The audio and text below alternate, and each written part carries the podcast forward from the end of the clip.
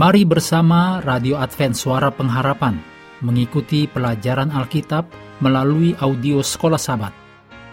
Selanjutnya kita masuk untuk pelajaran Minggu 10 September. Judulnya Pidato Pertempuran.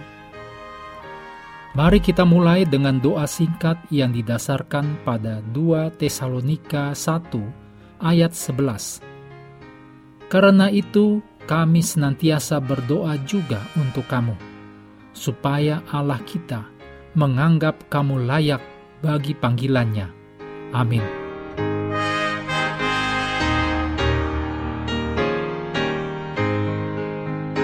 Kesimpulan Paulus dalam Efesus 6 ayat 10 sampai 20 juga berisi seruan pertempuran Paulus yang berlaku bagi kita dewasa ini sebagai pejuang dalam pertentangan besar.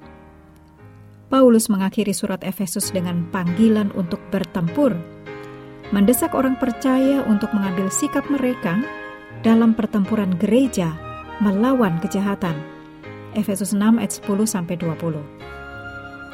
Paulus memulai dengan nasihat menyeluruh untuk menjadi kuat di dalam Tuhan. Efesus 6 ayat 10.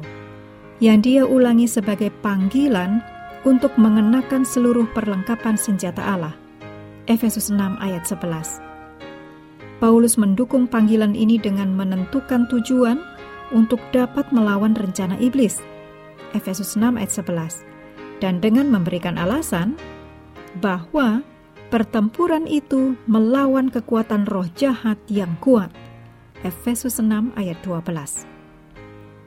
Secara terperinci, Paulus kemudian memunculkan kembali panggilan untuk mengangkat senjata orang percaya harus mengangkat seluruh perlengkapan senjata Allah untuk berdiri teguh dalam peperangan.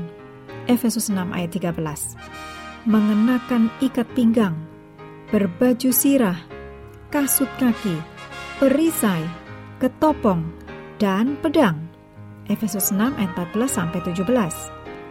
Paulus mengundang orang-orang percaya yang sekarang bersenjata lengkap dan siap untuk memasuki medan perang, untuk melakukan apa yang dilakukan tentara di medan perang kuno, yaitu berdoa. Efesus 6 ayat 18 sampai 20. Dengan menggemakan nasihat pertempuran atau pidato menjelang pertempuran dalam perjanjian lama, Paulus berbicara tentang misi gereja dalam hal konflik militer dan senjata Paulus memberi isyarat ini dalam perintahnya yang pertama dan menyeluruh. Efesus 6 ayat 10. Hendaklah kamu kuat di dalam Tuhan, di dalam kekuatan kuasanya. Nasihat-nasihat pertempuran dalam perjanjian lama menggarisbawahi gagasan bahwa keberhasilan Israel dalam pertempuran tidak bergantung pada keunggulan senjatanya sendiri atau pasukan yang melebihi jumlah musuh-musuhnya dicatat dalam ulangan 20 ayat 2 sampai 4, Hakim-hakim 7 ayat 15 sampai 18, 2 Tawarikh 20 ayat 13 sampai 20, 2 Tawarikh 32 ayat 6 sampai 8, juga Nehemia 4 ayat 14, 19 dan 20. Sebaliknya, kemenangan dihasilkan dari bergantung pada kehadiran dan kuasa Allah. Kunci kesuksesan bukanlah kepercayaan pada diri mereka sendiri, tetapi kepercayaan yang kuat pada kuasa Tuhan dan ketetapannya untuk kesuksesan atau keberhasilan mereka. Paulus menggunakan tema-tema ini dengan berani untuk menasihati orang percaya agar menjadi yang pertama, aktif dalam mengejar misi gereja. Yang kedua, memperhatikan dimensi tak terlihat yang mempengaruhi kehidupan dan kesaksian mereka. Yang ketiga, menyadari ketentuan ilahi untuk keberhasilan mereka. Dan yang keempat, selalu mengingatkan pentingnya persatuan dan kolaborasi di antara orang-orang percaya. Peringatan Paulus mengajarkan bahwa kita bertempur bukan melawan darah dan daging, tetapi melawan musuh supranatural. Ini mengajari kita tentang satu-satunya pengharapan kemenangan kita, yaitu Kristus.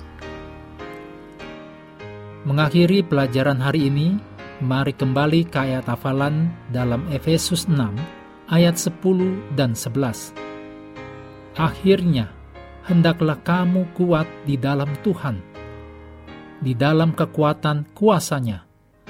Kenakanlah seluruh perlengkapan senjata Allah, supaya kamu dapat bertahan melawan tipu muslihat iblis. Kami terus mendorong Anda bersekutu dengan Tuhan setiap hari melalui bacaan Alkitab sedunia, percayalah kepada nabi-nabinya yang untuk hari ini melanjutkan dari Mazmur 127. Tuhan memberkati kita semua.